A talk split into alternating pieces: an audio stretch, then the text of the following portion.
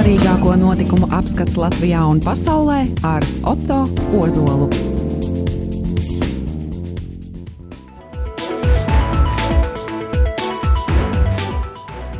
Labdien, cienījamie radioklausītāji!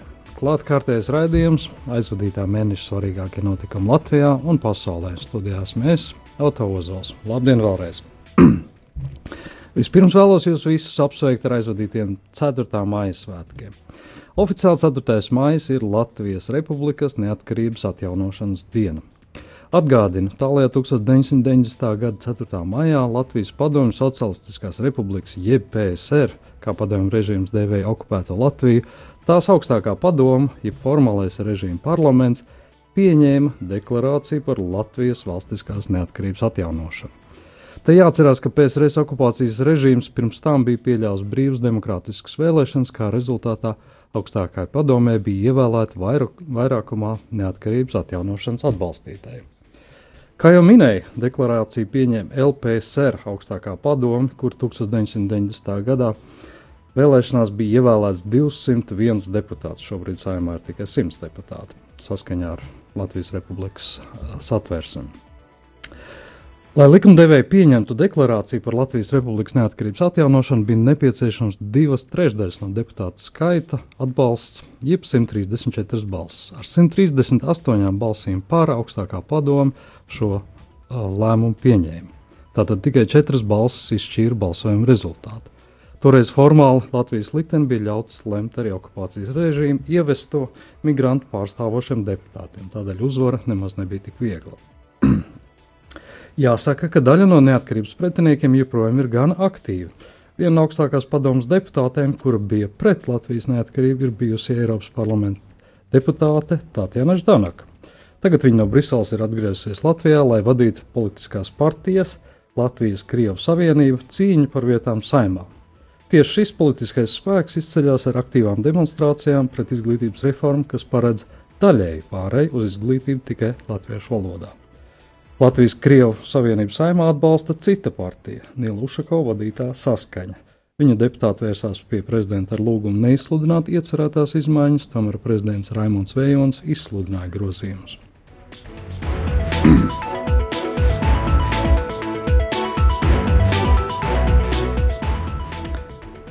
Pavisam nesen, 1. maijā, šīs reformas pretinieki rīkoja protestu gājienu. Pēc policijas aplēseniem gājienā un pasākuma aizplanādē piedalījās ap 5000 cilvēku. Kādu brīdi protestētāju vidū parādījās kāds vīrietis, kurš līdz bija paņēmis plakātu ar uzrakstu Nezināt valsts valodu, kurā dzīvo par ciemiņš, idiots vai okupants, kurš uzspiež savu valodu.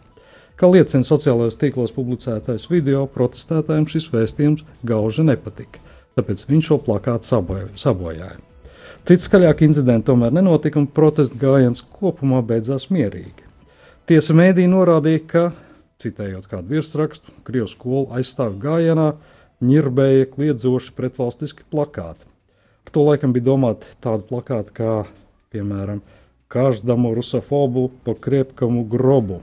Latvijasiski tulkojot katram rusofobam kārtīgu zārku. Atgādinu, rusofobs ir termins, ar kuru apzīmē krievu tautības cilvēku nīdējas. Uz kāda cita plakāta bija rakstīts Ruskija skoli mir Latviju tulkojot Krievijas skolas mieras Latvijā. Pie šī plakāta bija pieķērusies arī iepriekš minētā Tatjana Ždanoka. Vēl kāds cits plakāts vēstīja Ruski jezik, jezik pobiģiķiļai, jeb Krievu valoda, uzvarētāja valoda. Te gan jāatgādina, ka Krievu valodu Latvijā neviens nav aizliedzis un negrasās to arī darīt. Krievu valodas skolās paliek pirmsskolas izglītības iestādēs un būtiskā daudzumā arī pamatskolās. Tiesa izglītības ministrs Kārlis Šadurskis ir atzīmis, ka kaut kad, viņš neprecizēja, kad arī tas var mainīties. Pamata un vidēja izglītība var būt tikai un vienīgi latviešu valodā, bet tas nenotiek šobrīd paredzētās reformas ietvaros. Tikmēr sagrozīta informācija par iecerēto informāciju izplatās citur pasaulē. Cienījamies Francijas un Vācijas TV kanāls Arte parādīja filmu, kur apgalvots, ka Latvijā krievu valodā drīkst sarunāties tikai mājās, bet publiskajā telpā tas ir aizliegts, kā arī par pārāk biežu krievu valodas lietošanu draud naudas sots. Izglītības ministrs Kārls Šadurs, Šadurskis to komentēja ļoti skarbi. Viņš teica, es citēju, Es teikšu nediplomātiski, ir jābūt idiotam vai absolūti nezinošam par situāciju Latvijā, lai šādi varētu domāt. Vai arī otrs variants - ir jābūt ļoti ieinteresētam, lai piespiestu kādu šādi domāt. Filmu par Latviju nomelnojošo un sagrozīto arte demonstrēto uh, filmu nosauc arī Latvijas vēstniecība Vācijā. Dažas stundas pēc reportāžas vēstniecība nosūtīja vēstuli mēdījiem, norādot uz dezinformāciju. Pēc Latvijas vēstniecības Vācijā vēstules saņemšanas Arte mājaslapā pie filmas precizēts ievadteksts. Tajā iepriekš kļūdaini bija norādīts, ka lielākā daļa krievu izcelsmes iedzīvotāju Latvijā ir nepilsoņi un ka viņiem nav nevienas valsts piedarības un arī nav nekādu tiesību. Dezinformācijas atrošos citātas vēstniecība ir nosūtījusi arī Eiropas Savienības strateģiskās komunikācijas grupai East Stratcom Task Force.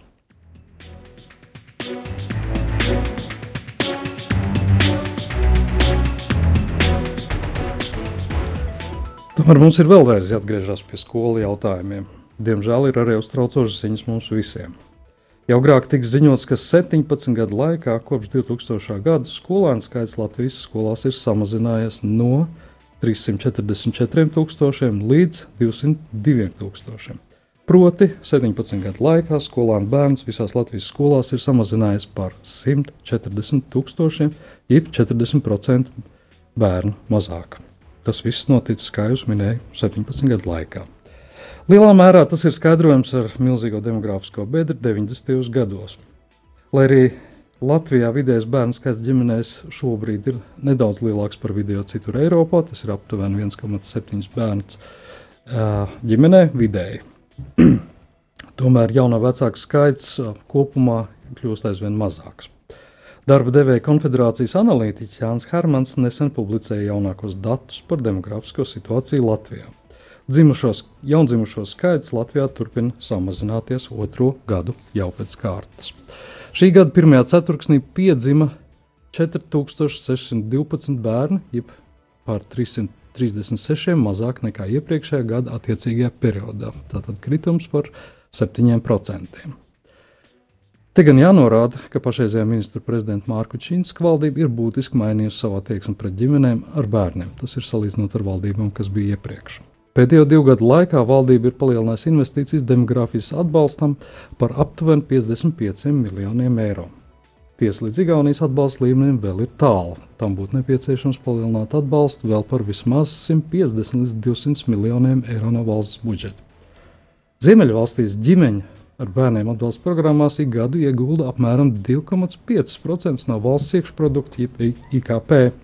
Latvijā šis atbalsts ir teju divas reizes mazāks, apmēram 1,2% no IKP.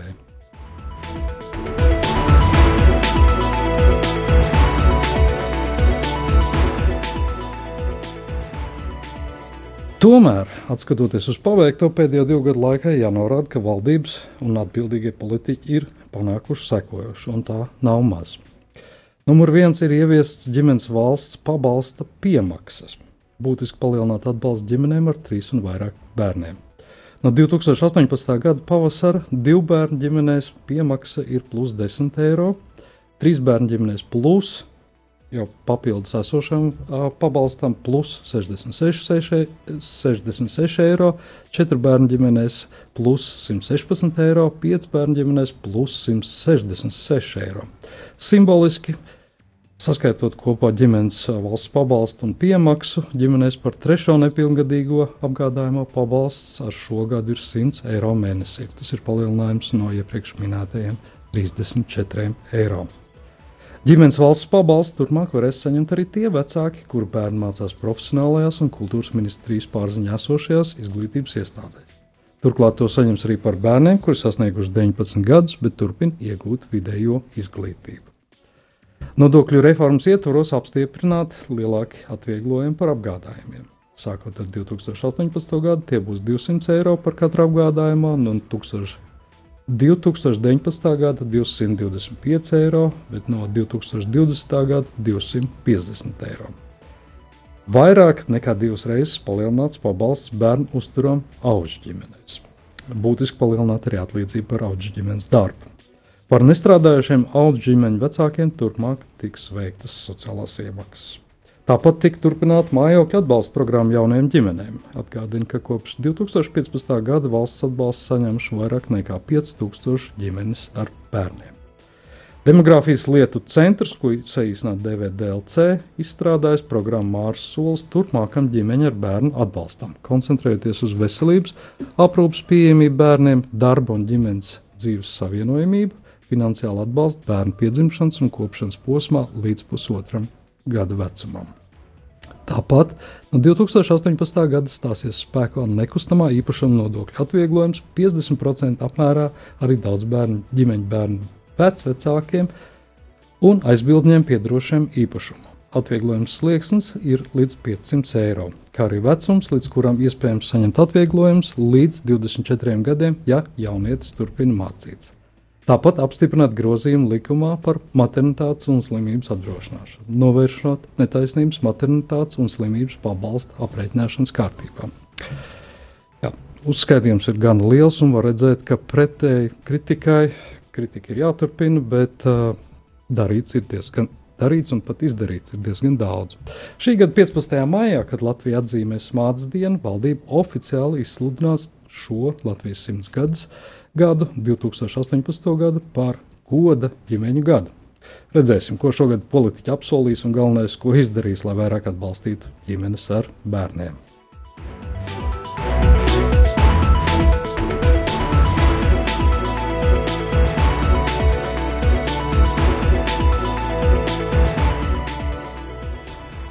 Tagad pievērsīsimies svarīgākajiem mēneša notikumiem pasaulē. Nulle zinām satraukumu un plašas pārdomas izraisīja vācu domātāja filozofa Kārļa Marksa 200. dzimšanas dienas svinības. Marksismu ideoloģijas pamatlicējs Kārlis Marks ir dzimis pirms 200 gadiem, 1818. gada 5. maijā Vācijas pilsētā Trīrē. Svinībās ar runu piekrīt piedalīties arī Eiropas komisijas prezidents Žants Klonts Junkers. Taču viņa piedalīšanās pasākumā par godu Marksam izraisījusi arī kritiku un apsūdzības par komunismu upuru piemiņas aizvainošanu. Taču Junkera birojas Eiropas komisijas priekšsēdētāja lēmumu aizstāv. Viņa norādīja, ka Junkers, citēji, ļoti labi apzinās vēsturiskos faktus un jūtīgumu. Tomēr, lai arī kādi ir cilvēki uzskati par Marksu, atkal citēji, neviens nevar noliekt, ka Kārlis Marks ir persona, kas tā vai citādi ir veidojis vēsturi. Tādēļ nerunāšana par viņu būtu tuva vēstures noliekšanai. Citēju Eiropas komisijas priekšsēdētāja biroja aizstāvības arguments. Svinību ietvaros tika atklāta arī 5,5 metrus augstā Marksa statuja, kas ir dāvana no komunistiskās Ķīnas.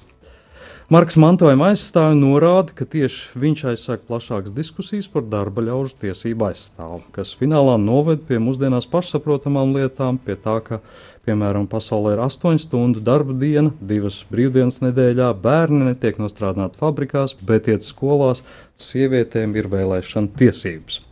Protams, akadēmiskajā vidē nerims diskusijas, vai civilizēta pasaule pie tā nebūtu nonākusi arī bez marksistu ideoloģijas.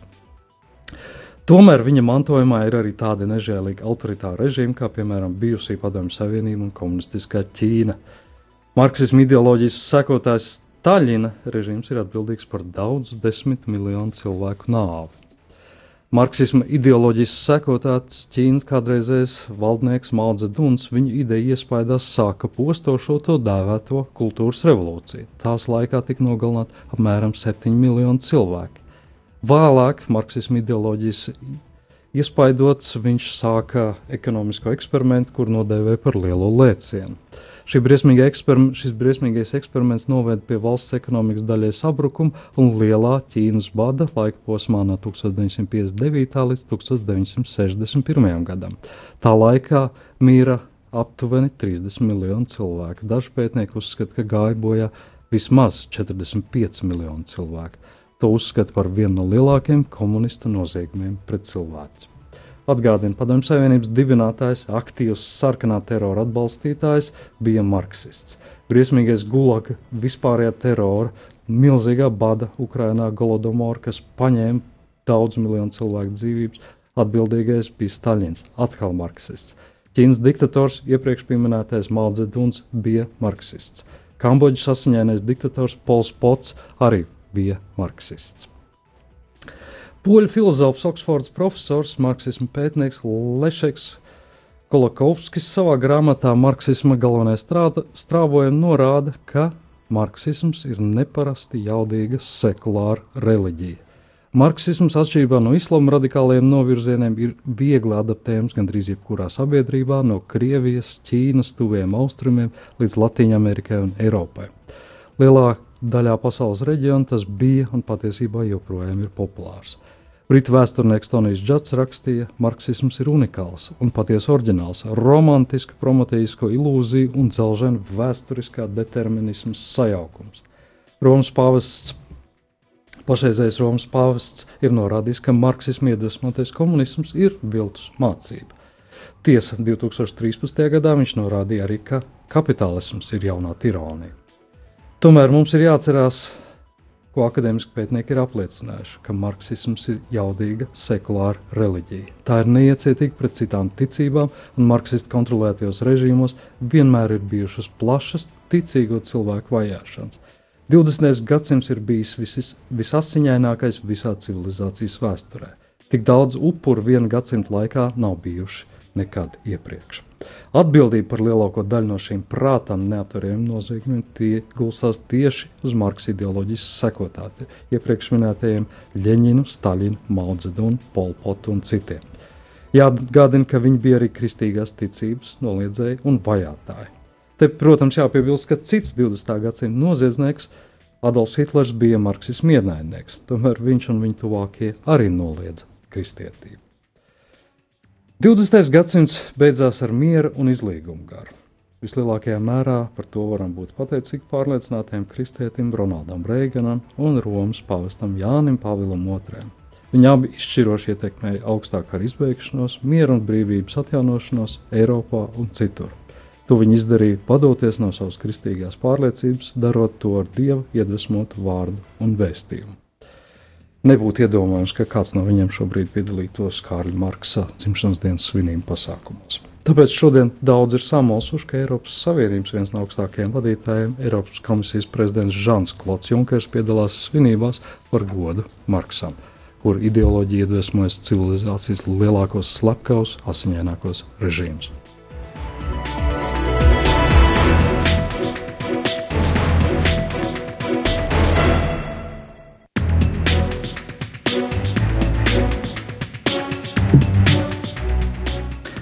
Te gan jānorāda, ka komunistiskās ideoloģijas sekotāji joprojām ir plaši pārstāvēti arī mūsdienu Latvijas augstākajā politiskajā varā. Bijušie komunisti ir valdībā un vada piecas saimas komisijas. Likums prasa uzrādīt čekas ziņotājas status, ja cilvēks kandidē vēlēšanās, bet nekur nav teikts, ka jādeklarē sava komunista pagātne. Saimē šādu deputātu ir vismaz 19, 5 no saskaņas - Igors Pimenovs, Jānis Adamsons, Ivans Kalns. Ribakovs, Sergejs Dolgopolovs, Ivans Klementjevs. Pa vienam deputātam no reģiona apvienības, tas ir Mārtiņš Šits, vienotības, Juris Šulcs un Sudrabas partijas paliekām Gunārs Kūtris. Divi ekskomunisti pārstāv Nacionālo apvienību Andris Buļķis un Kārlis Kresliņš. Visvairāk bijušo komunistu ir Zaļo zemnieku savienībā. Tādi ir deviņi. Augusts Brigmanis, Aija Barča, Andris Bērziņš, Andris Siliņš, Ainārs Mežulis, Jānis Vucāns, Ineses Boķis, Jānis Trupavnieks un Valdis Skuiņš. Šādu statistiku nulli apkopojuši Latvijas mēdīji. Jāatgādina, ka cilvēki ar komunistisko pagātni ir arī ministra amatos un lielu pašvaldību vadībās.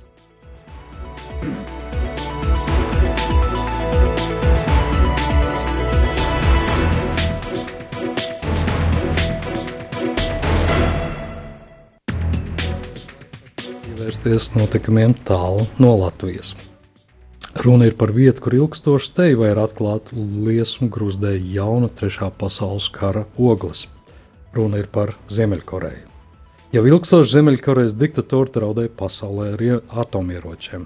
Pirms pāris gadiem uzzinājām, ka viņam tādi patiešām ir.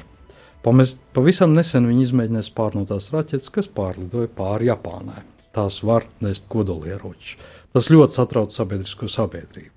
ASV prezidents Donalds Trumps veltīs Ziemeļkorejas diktatoram Kimam Čenunam ļoti skarbus brīdinājumus vārdus. Tas atbildēja līdzīgi. Situācija kļuva ļoti nokaitēta. Tomēr sabiedrība aprīļa vidū pārsteidz ziņu, ka Ziemeļkorejā slepenā vizītē bija ieradies ASV centrālās izlūkošanas pārvaldes direktors Maiks Pompeo. ASV valdība vēlāk atzina, ka viens no sarunu tematiem bija iespējama abu valstu vadītāju tikšanās.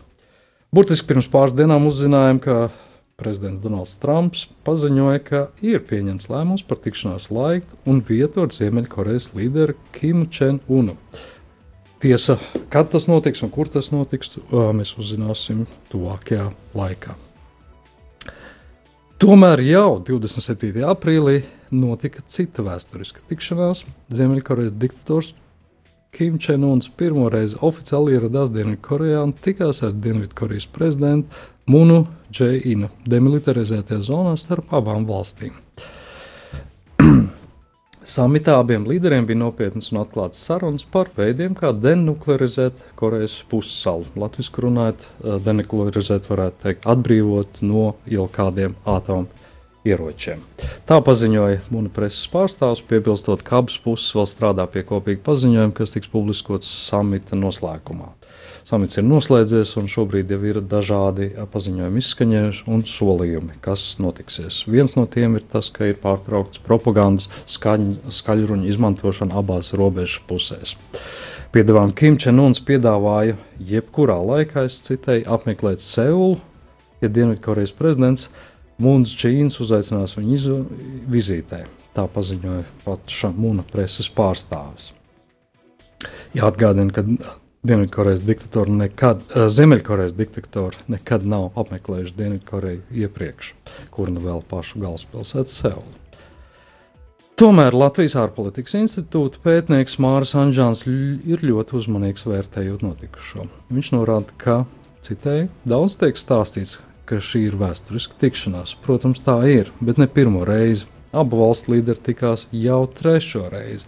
Pirmā reize bija 2000. gadā, otrā reize 2007. gadā. Šoreiz ir vērts atcerēties, ka iepriekšējā reizē solījumi bija ļoti līdzīgi gan par atteikšanos no kodolieročiem, gan par mieru līgumu noslēgšanu. Diemžēl nekas tāds nenotika. Ziemeļkoreja ir turpinājusi ne tikai bruņoties, bet arī attīstījusi kodolieročus. Kopš 2006. gada Ziemeļkoreja ir veikusi jau kopumā sešus kodolu izmēģinājumus, kā arī progresējusi ar starpkontinentālo raķešu attīstību. Pašreizējā situācija uz Ziemeļkorejas, pašreizējā situācijā uz Ziemeļkorejas solījumiem būtu jāskatās ļoti piesardzīgi ir diezgan skaidrs, ka starptautiskās sabiedrības noteiktās ekonomiskās sankcijas pagājušā gada nogalē piespiedušas Ziemeļkorejas sēsties pie sarunu galda. Līdzīgi arī tas, ka Ziemeļkoreja nopietna no potenciāla ASV uzbrukuma, tātad no militāra risinājuma. Līdz ar to izšķirošs būs ASV prezidenta Donalda Trumpa samits, jeb tikšanās ar Ziemeļkorejas līderu Kim, kas, kā jau minēju, varētu notikt jau tuvākajā laikā. Tikai pēc šīs tikšanās mēs varētu izdarīt secinājumus par Ziemeļkorejas solījumu patiesumu. Tie bija Latvijas ārpolitikas institūta pētnieka Māra Anģāna vārdi.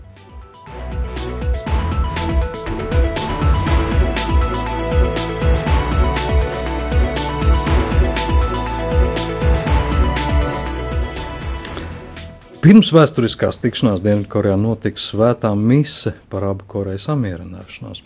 Vēsturiskā samita priekšvakarā starp Dienvidkorejas un Ziemeļkorejas valstu vadītājiem Seulas arhibīskaps un Pjenhaņas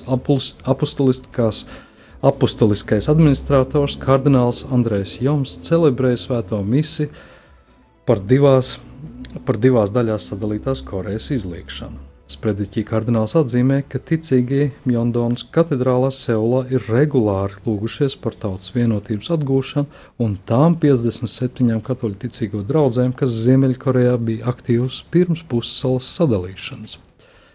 Sekojot līdz notikumiem un redzot, ka Korejā sāk pūst miera vēji, esmu dziļi pateicīgs Dievam par to, ka viņa providence ir dāvājusi šo iespēju, teica Dienvidkorejas baznīcas primas. Kardināls novēlēja, lai abu valstu vadītāji paturprātā, ka mieru Korejas pussalā nevar uzturēt ar atomieročiem.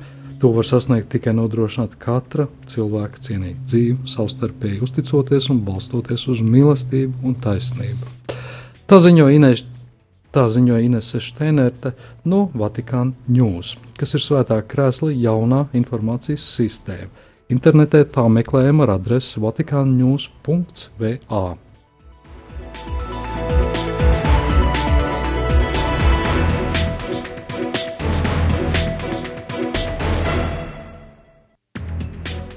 Nosacīt mierīgāks vēsums ir uzvējojuši arī kaimiņu valstī Krievijā. Tur pirmo reizi pēc ilgāka laika paziņots par izdevumu samazināšanu bruņojumu vajadzībām. Pēc dažādām aplēsēm Krievijas valdība samazināja savus izdevumus militārajām vajadzībām par 16 līdz 20 procentiem. Ja rēķina dolāru izteiksmē par 20 procentiem, ja rubļu, tad 16 procenti.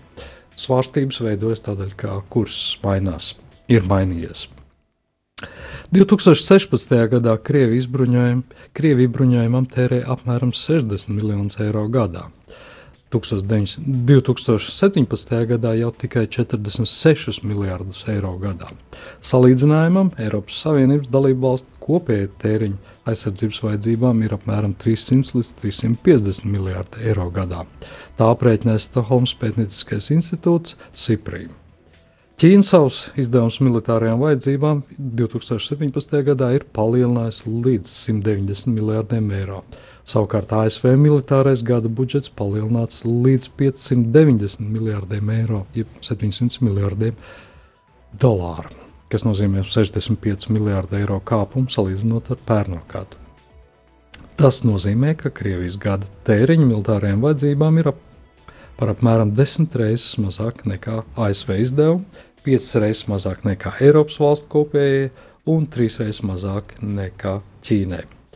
Analītiķi norāda, ka izdevuma samazināšana Krievijas militārajām vajadzībām nozīmē, ka sankcijas ir tik ļoti iespaidojušas Krievijas ekonomiku, ka viņi ir bijuši spiesti beidzot ierobežot militāros izdevumus. Savukārt Krievijas valdības pārstāvji norāda, ka viņi esat paveikuši visus nepieciešamos lielākos armijas modernizācijas pasākumus un šobrīd var atļauties vairāk netērēt tik daudz kā iepriekš. Te gan jāsaka, ka Krievijas augstais modernizācijas līmenis ir regulāri Kremļa propagandas sastāvdaļa. Tam tic ļoti daudz Krievijā un arī ārpus tās. Tomēr ir fakti, kas liek kritiski aplūkot šos apgalvojumus. Viens piemērs. ASV rīcībā jau kopš 2005. gada ir tā dēvētie piektās paudzes iznīcinātāji supermodernas kara lidmašīnas. Krievijā šādi lidaprāti joprojām ir tikai izmēģinājuma stadijā. Var ilgi diskutēt par šīm lidmašīnām. Tas ir tikai viens piemērs, ka tehnisko risinājumu ziņā rietumu valsts ir vairāk nekā desmit gadus apsteigušas Krieviju.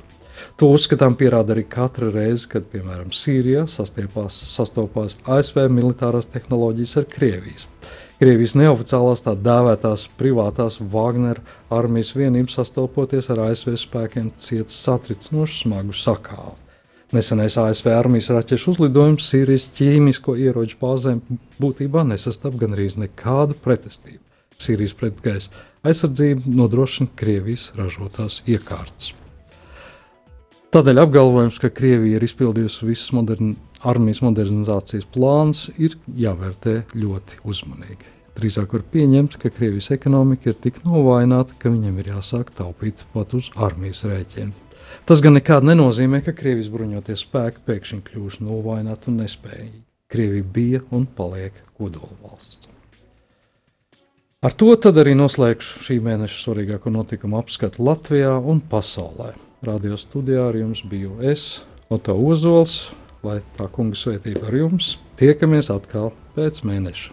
Visu labu!